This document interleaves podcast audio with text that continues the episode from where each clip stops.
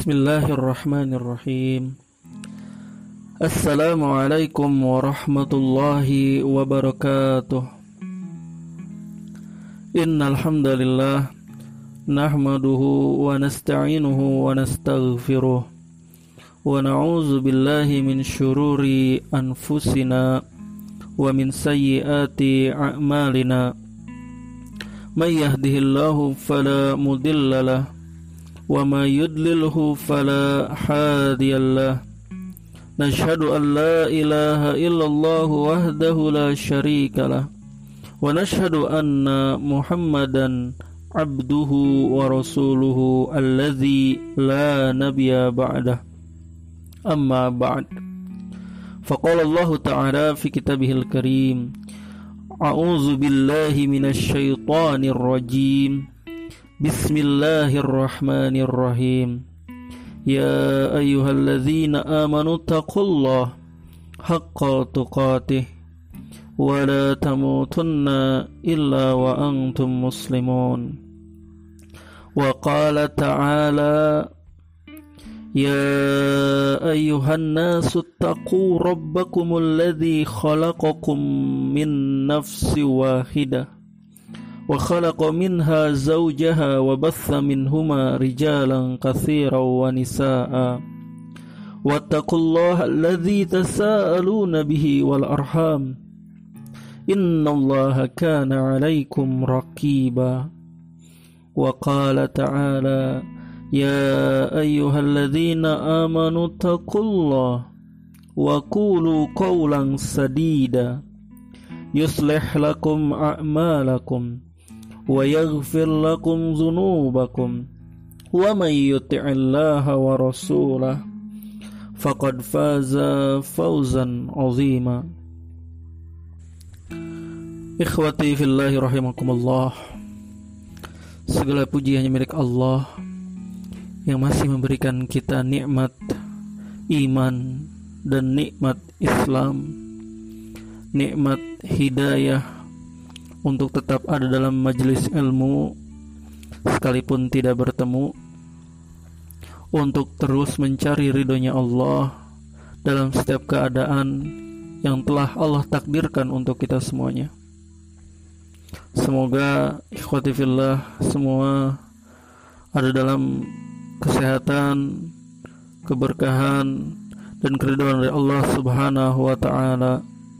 Kita doakan pada saudara-saudara kita yang hari ini oleh Allah diberikan ujian, diberikan kesabaran, dan setiap kesabaran diganti dengan kebaikan-kebaikan yang Allah berikan.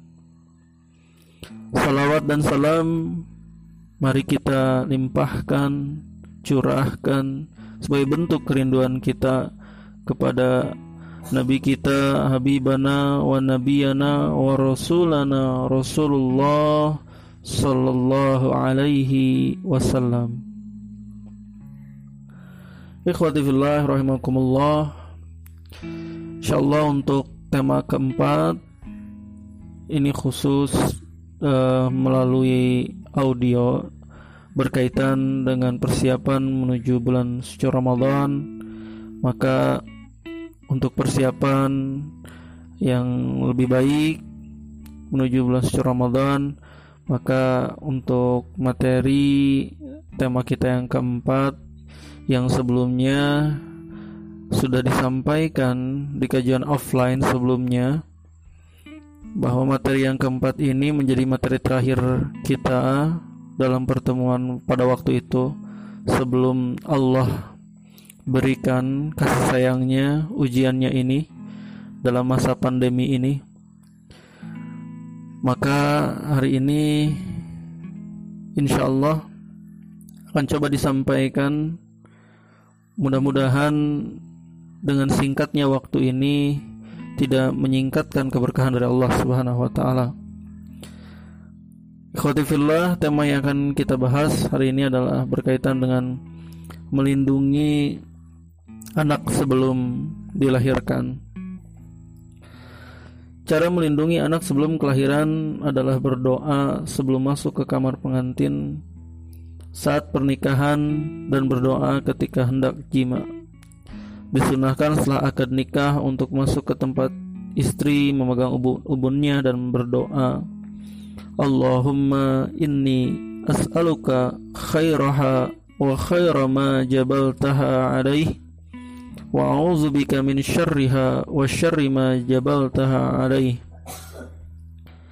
Yang artinya ya Allah aku memohon kepadamu kebaikan istriku dan kebaikan yang engkau ciptakan kepadanya. Dan aku berlindung dari kejelekannya dan kejelekan yang engkau ciptakan kepadanya.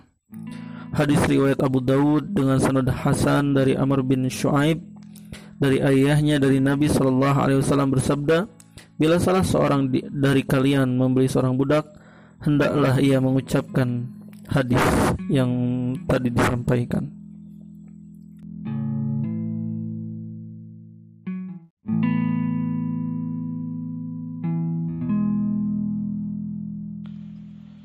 Di dalam Islam Bahkan diatur adab bagaimana melindungi anak sebelum dilahirkan. Ketika seorang suami mendatangi istri, dianjurkan membaca doa Bismillah Allahumma jannibna syaitana wa jannibis syaitana ma razaqtana Dengan nama Allah, ya Allah, jauhkanlah kami dari setan dan jauhkanlah setan dari anak yang akan engkau anugerahkan kepada kami. Di dalam hadisnya Rasulullah Shallallahu Alaihi Wasallam bersabda, bila kalian membaca doa tersebut ketika hendak mendatangi istri kemudian mempunyai anak, setan tidak akan bisa memberi bahaya sedikit pun. Bukhari 228 dan Muslim nomor 5. Lalu ikhwati fillah, apa yang dilakukan ketika melahirkan anak? Allah Ta'ala berfirman dalam Quran Surat Ash-Shura ayat 49 sampai 50 A'udzu billahi minasyaitonir rajim Bismillahirrahmanirrahim. Lillahi mulkus samawati wal ard. Kepunyaan Allah lah kerajaan langit dan bumi. Yakhluku ma yasha'u yahabu liman yasha'u inatha wa yahabu liman yasha'u dzukur. Dia menciptakan apa yang ia kehendaki Dia memberikan anak-anak perempuan kepada siapa yang dia kehendaki dan memberikan anak-anak laki-laki kepada siapa yang ia kehendaki. أو يزوجهم ذكرانا وإناثا atau dia menganugerahkan kedua jenis laki-laki dan perempuan kepada siapa yang dikehendakinya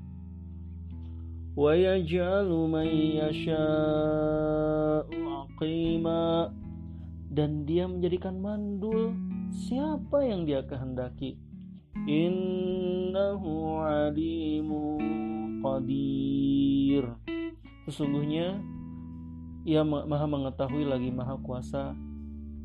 Quran surat Asyura ayat 49 sampai 50. Ikhwati fillah, di dalam ayat ini begitu jelas bagi kita bahwa setiap apa yang diberikan Allah kepada kita sudah atas kehendak dari Allah Subhanahu wa taala. Tinggal bagaimana kita menyikapinya dengan sebaik-baiknya. Maukah kita tidak menerima setiap apa yang telah Allah berikan kepada kita? Karena kita tidak pernah tahu siapa di antara anak kita yang baik.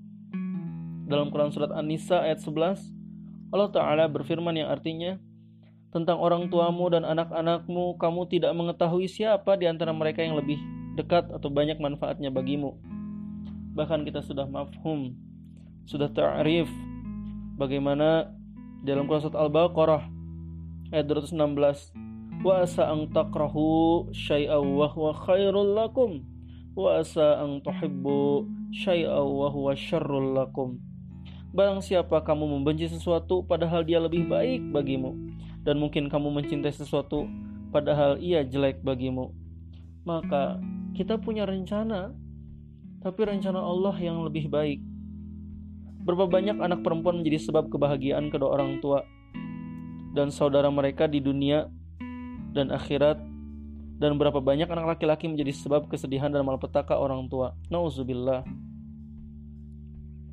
sebagaimana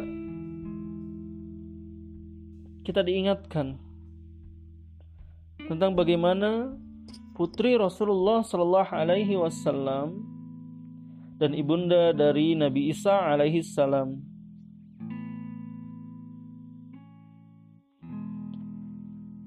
Tentu saja Sayyidah Fatimah jauh lebih baik dibanding dengan anak-anak laki lelakinya Nabi Nuh alaihi salam. Sayyidah Fatimah salah satu pemimpin wanita di surga dan ibunda Nabi Isa alaihissalam Maryam adalah wanita yang jujur. Maka sebagaimana yang sudah kita bahas di tema sebelumnya,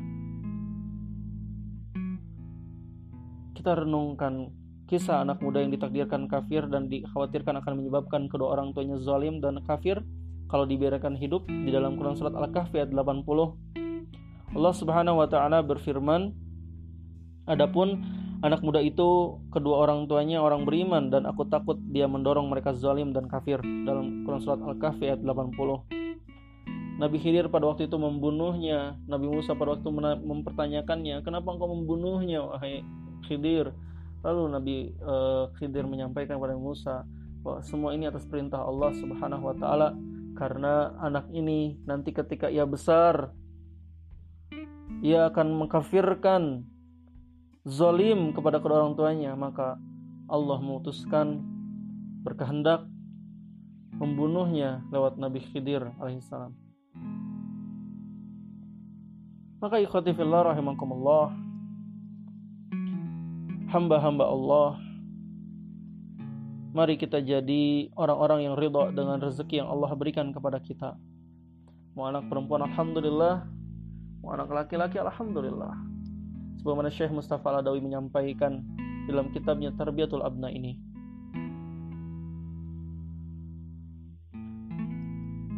karena apa ikhwati fillah ketika kita merasa penat dan lelah dalam mendidik anak-anak kita bayangkan bahwa kelak di akhirat ada di antara mereka yang tiba-tiba datang membimbing tangan kita menuju surga. Jangan sampai kita menyesal. Bolehlah anak kita cerdas prestasi dunianya, tapi jangan sampai mereka menjadi anak-anak yang bodoh dalam urusan akhiratnya. Karena yang bisa menyelamatkan kita nantinya adalah doa-doa dari anak-anak kita yang mendoakan kita. Saat ketika kita dikuburkan, diwafatkan oleh Allah Subhanahu wa taala, tidak ada yang bisa kita bawa dari dunia ini kecuali anak-anak kita mendoakan kita, anak-anak yang soleh yang akan menjadi amal jariah kita. Maka begitu besar pahala bagi orang tua yang mendidik dan berbuat baik kepada anaknya. Ikhwati fillah dari Aisyah radhiyallahu anha seorang ibu dan dua orang anak perempuan datang kepadaku Ibu ini meminta sesuatu untuk dimakan kepadaku. Padahal aku hanya punya satu biji kurma. Aku berikan kurma itu kepadanya. Dia mengambil lalu membagi dua kurma tersebut dan diberikan kepada kedua anaknya. Sedang dia sendiri tidak makan. Setelah itu, ibu ini berdiri lalu keluar bersama anaknya. Tak lama kemudian, ketika Nabi Shallallahu Alaihi Wasallam menemuinya, aku ceritakan kejadian tadi. Beliau lalu berkata,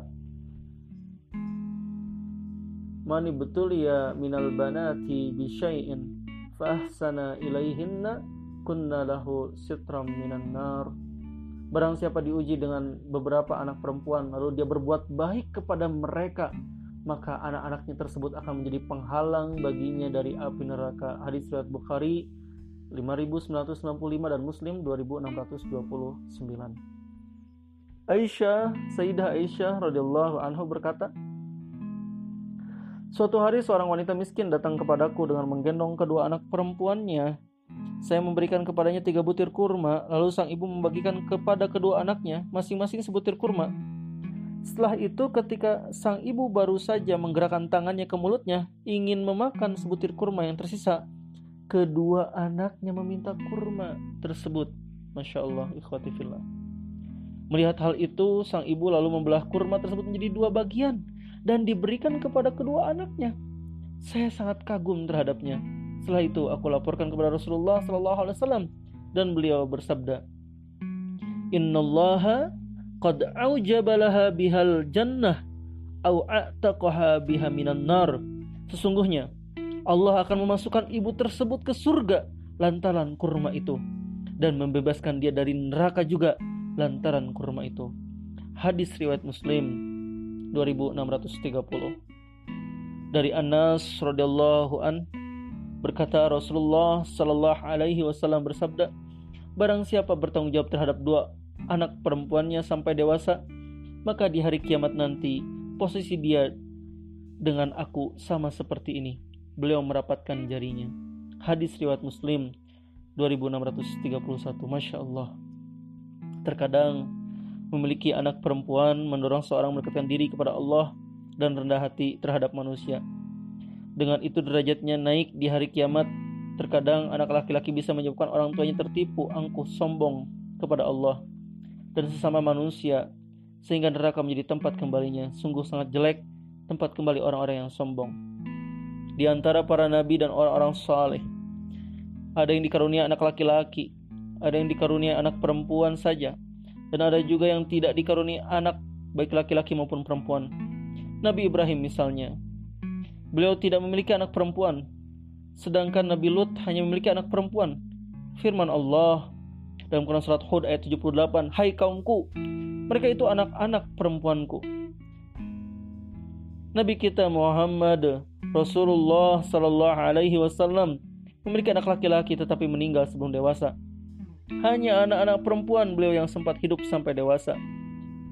Nabi Yahya alaihissalam, putra Nabi Zakaria alaihissalam, Sesungguhnya Allah mengembirakan kamu dengan kelahiran seorang putramu Yahya yang membenarkan kalimat yang datang dari Allah di Quran Surat Ali Imran ayat 39. Ikhwati di dalam hadis-hadis yang mudah-mudahan menenangkan hati kita dari Abu Hurairah radhiyallahu an. Ia mendengar Rasulullah SAW bersabda ada tiga orang bayi yang bisa bicara ketika masih di ayunan. Lalu menyebutkan hadisnya ada seorang ibu sedang menyusui bayinya. Saat itu lewat seorang laki-laki menunggang kuda yang gesit gagah dan tampan. Maka ibu itu berdoa ya Allah jadikanlah anakku seperti dia.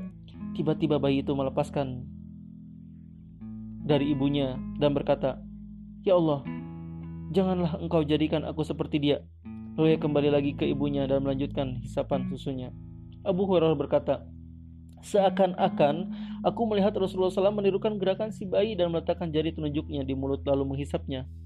Lalu lewat serombongan orang membawa wanita hamba sahaya yang sedang dipukuli, mereka menuduh, kamu telah berzina, kamu telah mencuri. Sementara hamba sahaya perempuan itu berkata, cukuplah Allah sebagai pelindungku dan hanya dia sebagai baik penolong. Melihat kejadian ini, sang ibu berdoa, Ya Allah, jangan jadikan anakku seperti dia. Maka bayi itu meninggalkan dari persusuan ibunya dan melihat ke tempat wanita hamba saya tersebut sambil berdoa, "Ya Allah, jadikanlah aku seperti dia." Pembicaraan itu berulang, sang ibu berkata kepada anaknya di belakangku berlalu seorang penunggang kuda yang gagah dan tampan. Lalu aku, aku berkata, "Ya Allah, jadikanlah anakku seperti dia." Lantas engkau bayi itu berkata, "Ya Allah, jangan jadikan aku seperti dia."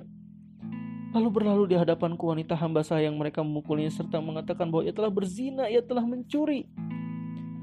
Melihat hal ini aku berdoa, "Ya Allah, Jangan jadikan anakku seperti dia. Tapi engkau berkata, Ya Allah, jadikanlah aku seperti dia. Maka bayi itu menerangkan kepada ibunya, Wahai ibu, sungguhnya penunggang kuda yang tampan itu adalah orang yang sangat sombong. Maka aku berdoa, Ya Allah, jangan jadikan aku seperti dia. Sedangkan terhadap hamba sahaya wanita itu, yang orang-orang berkata kamu berzina padahal dia tidak berzina. Kamu mencuri padahal dia tidak mencuri. Maka aku berdoa, Ya Allah, jadikanlah aku seperti dia. Hadis riwayat Bukhari nomor 3466 dan Muslim nomor 1977 sampai 1978. Ikhwati lihatlah orang yang lebih sengsara dari dirimu dan jangan melihat orang yang lebih kaya dari dirimu. Rasulullah Shallallahu alaihi wasallam bersabda, "Idza nadhara ahadukum ila man fudila alaihi fil mali wal khalqi falyanzur ila man huwa asfala minhu mimman fuddila alaihi." Jika salah seorang dari kalian melihat orang yang lebih kaya dan ganteng, maka hendaknya melihat kepada orang yang lebih rendah darinya. Hadis riwayat Bukhari 6490 dan Muslim 2693.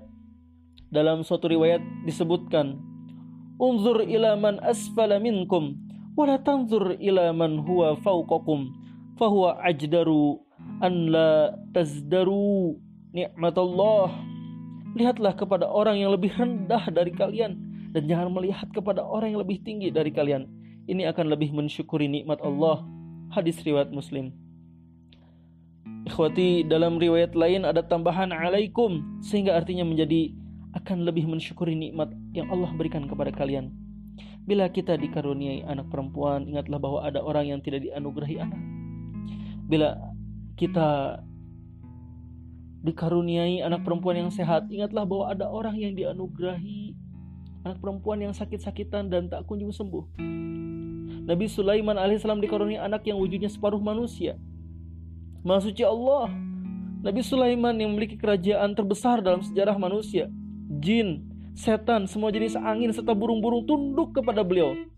Selain itu beliau juga diangkat sebagai Nabiullah yang memiliki ilmu yang luas. Hanya dikaruniai anak yang wujudnya setengah manusia. Suci Allah.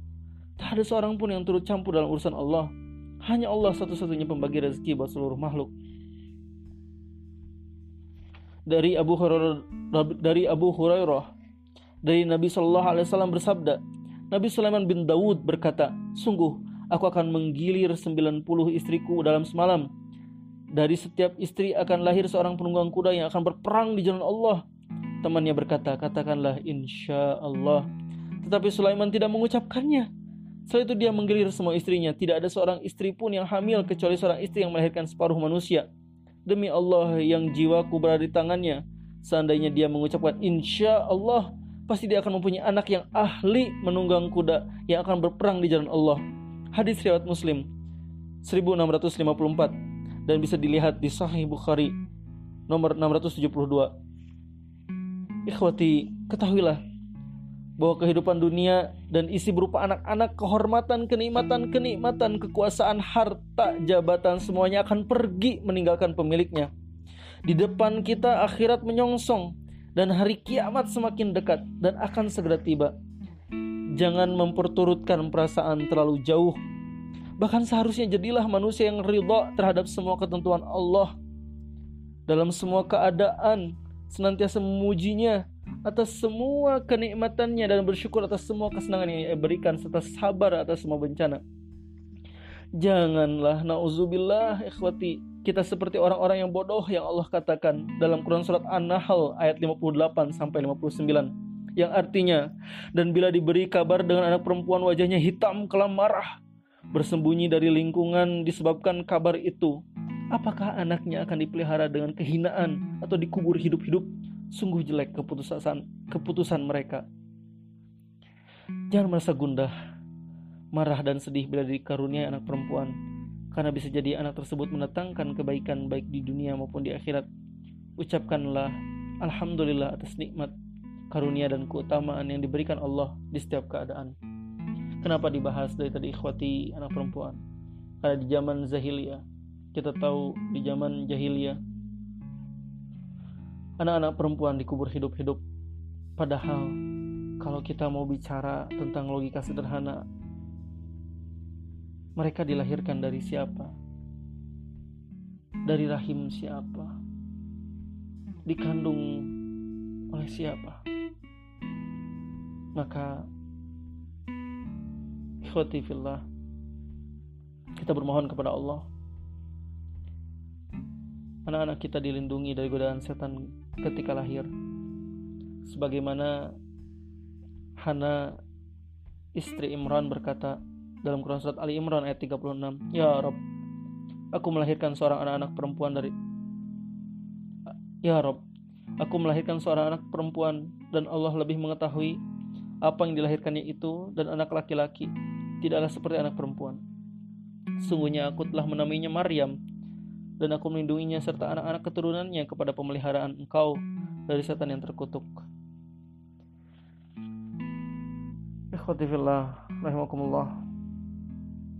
hati-hati ketika kita memajang foto-foto anak-anak kita.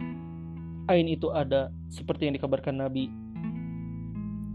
Eh, ini itu dalam hadis yang berasal dari Ibnu Abbas secara marfu diriwayatkan oleh hadis riwayat Muslim di nomor 2188. Terkadang seorang anak terkena pengaruh pandangan mata orang-orang yang hasad dengki atau lebih dikenal dengan istilah ain. Penyakit ini tidak akan sembuh walaupun dibawa ke dokter. Biasanya sembuh dengan metode ruqyah. Rasulullah SAW pernah ke rumah keluarga Ja'far. Di sana beliau heran dengan anak-anak Ja'far yang kelihatan sangat kurus. Beliau bertanya ke istri Ja'far dan dijawab bahwa anak-anak itu terkena ain pandangan mata orang yang hasad. Sebagaimana hadis menyampaikan tentang kisah keluarga Ja'far tersebut dari Jabir radhiyallahu an berkata Rasulullah SAW membolehkan rukyah bagi keluarga Hazm untuk mengobati sengatan ular. Beliau berkata kepada Asma bintu Umais, Aku melihat tubuh anak-anak Ja'far sangat kurus. Apakah karena kurang makan? Tidak jawab Asma. Mereka telah terkena ain. Obati dengan rukyah kata Rasulullah Sallallahu Alaihi Wasallam. Asma berkata, kemudian aku sodorkan anak-anak Ja'far kepada beliau. Beliau berkata, obati dengan rukyah di hadis riwayat Muslim nomor 2198.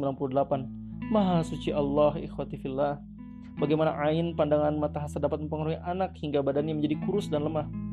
Dalam Sahih Bukhari di nomor 5738 dan Muslim di nomor 2198 diterangkan bahwa Rasulullah Shallallahu Alaihi Wasallam pernah melihat wajah anak perempuan Ummu Salamah yang berubah menjadi hitam.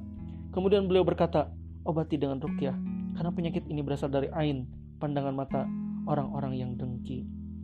Maka ikhwati jagalah sebaik-baiknya anak-anak kita bukan kita tidak boleh memajang foto ataupun yang lainnya tapi ikhwati itu sebagai bentuk penjagaan kita untuk kebaikan anak-anak kita ikhwati fillah sebagaimana Nabi mencontohkan ketika dilahirkan maka tahniklah dan doakan anak yang baru lahir. Apa itu tahnik? Tahnik adalah melumat biji kurma sampai hancur lalu meletakkannya di mulut bayi sambil menggosok-gosokkannya ke langit mulut. Dalam Al-Fat jilid 9 nomor 588 Mentahnik bayi yang baru lahir merupakan sunnah Nabi Shallallahu Alaihi Wasallam. Dalam riwayatnya, Sayyidah Aisyah meriwayatkan suatu ketika beberapa anak yang baru lahir dibawa ke hadapan Nabi Shallallahu Alaihi Wasallam. Kemudian Nabi mendoakan agar mereka mendapatkan berkah dari Allah dan mentahnik mereka. Lalu apalagi khotifillah sebagaimana Nabi mencontohkan untuk melindungi anak-anak kita sebelum dilahirkan dan setelah e, ketika dikandung dan lalu setelah dilahirkan. Pilihlah nama-nama yang baik untuk anak-anak kita karena memberi nama baik adalah hak anak dan kewajiban kita sebagai orang tua. Nama adalah doa ikhtifillah maka berikanlah yang terbaik dengan nama itu. Kalaulah kita hari ini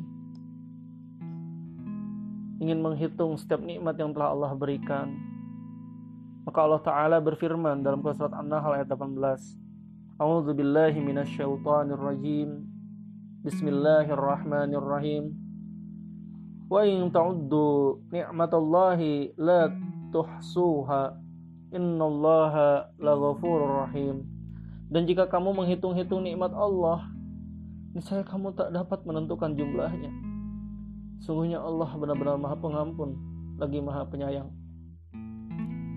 maka kita perlu cermati ikhwati bagaimana anak-anak didik kita anak-anak kita keturunan-keturunan yang nanti jadi keturunannya kita. Sifat dan perilaku anak tidak jauh dari sifat dan perilaku orang tua. Maka ketika anak bermasalah jangan buru-buru menghakiminya. Introspeksilah kita. Muhasabah. Dan koreksilah diri kita sendiri terlebih dahulu jadi kalau kita dapati hari ini, Fatifillah, kita sudah mendoakannya, kita sudah menjaganya. Satu waktu anak kita tidak sesuai dengan harapan kita. maka yang harus kita lakukan adalah koreksi dulu diri kita introspeksi dulu introspeksi dulu diri kita muhasabahlah diri kita karena sifat dan perilaku anak tidak jauh dari sifat dan perilaku orang tuanya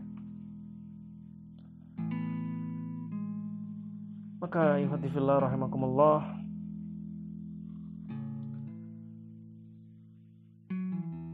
Doakan jadikan anak-anak kita hamba-hambanya Allah sampaikan kepadanya bahwa Allah senantiasa menjaga kita nak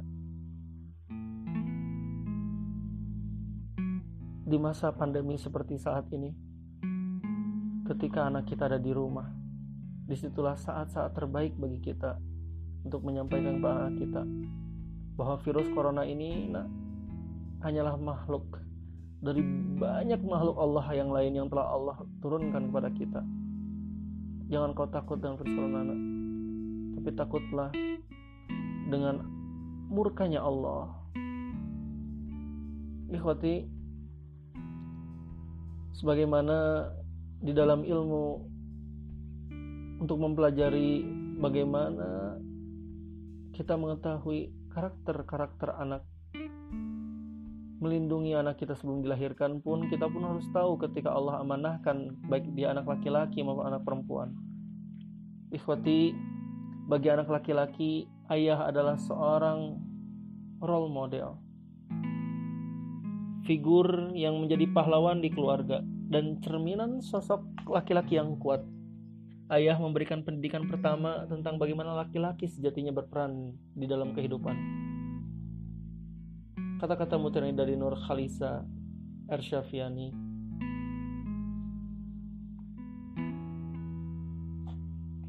Di sini begitu penting ketika ada anak laki-laki sosok yang penting baginya adalah ayahnya.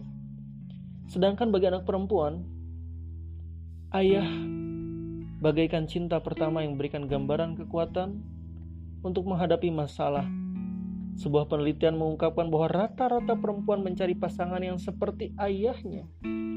Hal tersebut karena anak perempuan yang memiliki pengalaman positif dengan ayahnya cenderung menginginkan kejadian tersebut terulang saat ia berkeluarga. Maka para ayah ketika kita mendapati mau anak perempuan maupun anak laki-laki. Begitu sentralnya, begitu pentingnya peran kita. Bagaimana mendidik karakter anak-anak kita. Sebagaimana pertanyaan saudara kita hamba Allah di kajian sebelumnya ia ingin anak-anaknya nantinya menjadi anak-anak yang hafiz wal hafizah. Walaupun sibuk bekerja ini contoh dari seorang ibu yang memiliki 10 anak dan semuanya menjadi para penghafal Al-Quran beliau bernama Dr. Randa Wiryaningsih ini menyampaikan pesannya dan menjadi pesan bagi kita. Jika kita ingin menjadi ibu yang berkualitas, mulailah dengan mendekatkan diri kepada Allah. Mohon petunjuknya ke jalan yang lurus. Anak adalah titipan Allah, maka jagalah hubungan kita dengan Allah, maka Allah akan menjaga kita. Maka ikhwati fillah Dekatkanlah diri kita kepada Allah jika kita ingin anak-anak kita dalam kebaikan. Semoga ada manfaat di dalam pemaparan tema kita yang keempat ini. Semoga Allah senantiasa memberikan kepada kita keberkahan dan keriduannya dari anak yang fakir ilmu dan masih banyak dosanya ini. Memohon maaf kepada ikhwati sekalian yang salah datang dari anak dan yang benar semuanya mutlak datang dari Allah Subhanahu wa taala. Astagfirullah li. Syukran ala jazakumullah ala ihtimaminkum. Usikum nasibitakallah. Wassalamualaikum warahmatullahi wabarakatuh.